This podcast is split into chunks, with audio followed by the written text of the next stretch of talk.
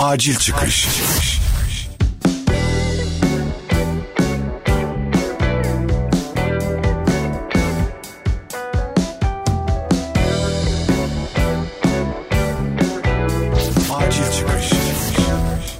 Selam Netflix'in içinden geçen ve artık evinde duvarları izlemeye başlayan dinleyen. Ben Evren Başar ve Acil Çıkış'ın 3. bölümünü dinlemeye başladım.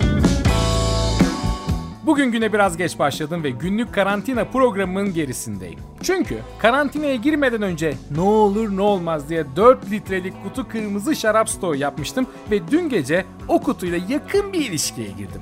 Biraz hafiflemiş durumda kendisi ve bu sabah erken uyanmamı da engelledi. Ne olur Evrencim biraz daha yatalım diyerek beni yatakta tuttu. Hayır yalnızlıktan kafayı yemiyorum ve şu an alkolü değilim. Ve hayır tabii ki cansız nesnelerle konuşmaya başlamadım. En fazla Daft Punk eşliğinde çıplak dans ediyor olabilirim.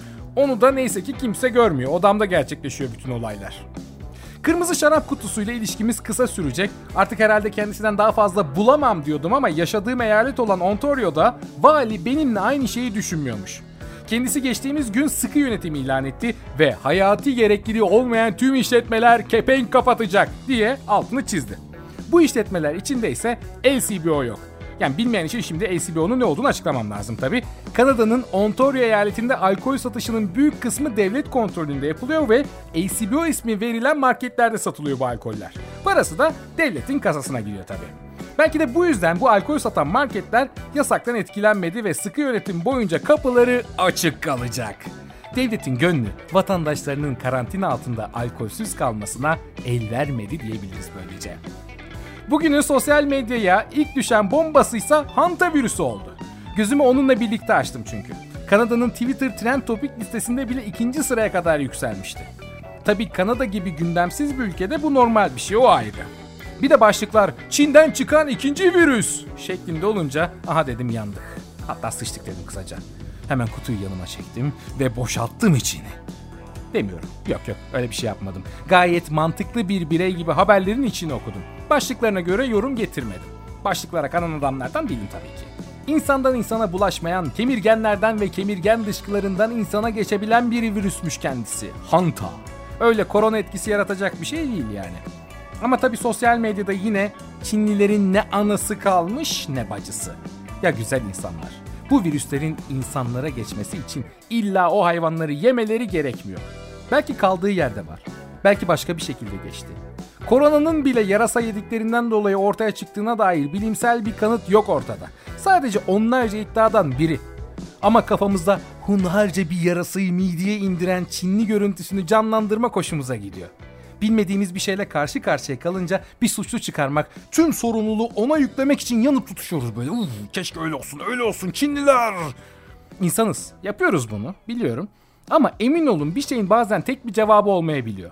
O yarasa ki oradan geldiğini varsayıyorsak eğer bir koyun çiftliğine ya da domuz çiftliğine de bulaştırmış olabilir. Yani dümdüz normal et yedikleri için bile çıkmış olabilir bu virüs. Biraz bu ihtimalleri de düşünün ve benim gibi et yemeyi bırakın. Olayı nasıl vegan manifestoya bağladım ama. Neyse bu konuyu burada kapatıyorum. Yeterince maruz kalıyorsun zaten bu olaylara. Acil çıkışın ikinci bölümünde kendimi durmadan mutfakta bulduğumu, her kapının oraya açıldığını ve durmadan yediğimden bahsetmiştim. Meğer bunun bilimsel bir açıklaması varmış güzel insan. Bana da sevgili arkadaşım Seçkin, ona da psikolog arkadaşı söylemiş. Yalnız kaynağım sonsuza doğru gitmeye başladı biliyorum ama olsun. Bana çok mantıklı geldi. Yaptıkları açıklama ve bu yüzden sizinle paylaşacağım şu an. Şöyle ki, şu an beynimiz karantina altında olduğunu biliyor. Vücudumuzda belki kabul etmesek de bir stres var şu an. Mantıklı kısım kadar hayatta kalma içgüdülerimiz de devreye girmiş durumda. Ne diyor bu hayatta kalma içgüdülerimiz? Evren. Evren şş. Evren oğlum bak. Bak sonumuz belli değil. Yemek yememiz lazım. Bak yemek yememiz lazım. Aç kalabiliriz Evren. Karantina uzun sürebilir. Bak yiyelim hayatta kalalım. Ne olur.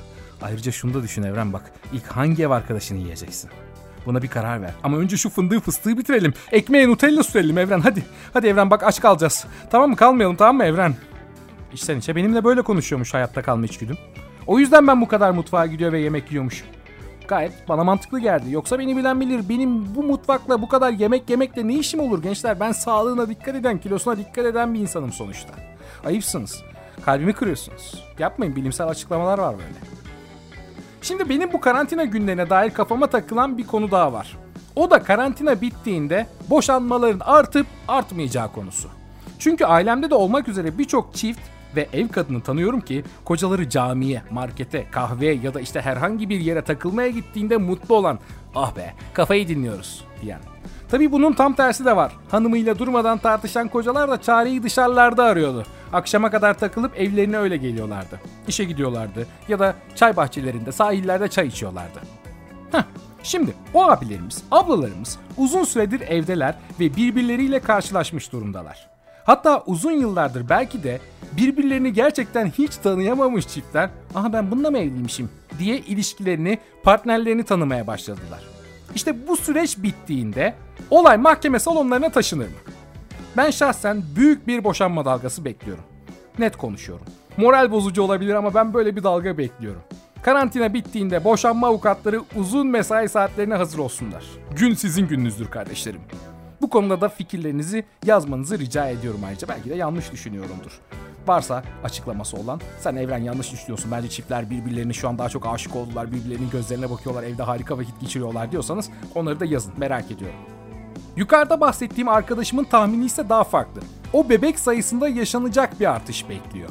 Yani diyor ki karantina bittiğinde birçok kadın hamile kalmış olacak. Bunu şimdi hemen çiftler evde yalnız, canları sıkılıyor, durmadan pompiş pompiş fik fik fik fik şeklinde düşünmeyin. Olay yine bilimsel bir teori, olay yine psikolojik. Bir sosyal psikoloji teorisine göre bunun gibi salgın durumlarında kadınlar daha doğurgan oluyorlarmış. Libidoları artıyor ve daha kısa aralıklarda yumurtlamaya başlıyorlarmış. Olay yine hayatta kalma içgüdüsü biraz da. Salgın var, hastalık var, üremem lazım, neslimi devam ettirmem lazım diyor beyin. Veriyor coşkuyu, veriyor coşku. Bunun sonunda da ortaya minnak ağlayan bebekler ortaya çıkıyor. Hani Türkiye'de de neden Suriyeliler bu kadar çok çocuk doğuruyor? Hı? diye tartışılıyor ya. Bunun sebebi de bu olabilir. Savaştan kaçış durumu, neslini devam ettirme içgüdüsü biraz da. Peki sizce durum ne olacak? Karantina sonrası boşanmış çiftler mi artacak yoksa bebeklerin sayısı mı? Ya da daha kötüsü boşanmış ve çocuklu çift rekoru mu kırılacak? Umarım böyle bir şey olmaz tabii. Çok moral bozucu bir podcast olmuş olabilir bu kusura bakmayın. Ama ne diyorsunuz merak ediyorum. Evren Başar'la Acil Çıkış'ın 3. bölümünü dinlediniz. Twitter ve Instagram üzerinden beni takip ederek yeni bölümlerden haberdar olabilirsiniz. Ayrıca bu podcast'e şu an Instagram ve Spotify üzerinden de ulaşıyorsun. Yakında da Apple ve Google Podcast'lerde de yerini alacak haberin olsun. Görüşmek, takip etmek ve evde kalmak üzere. Acil çıkış.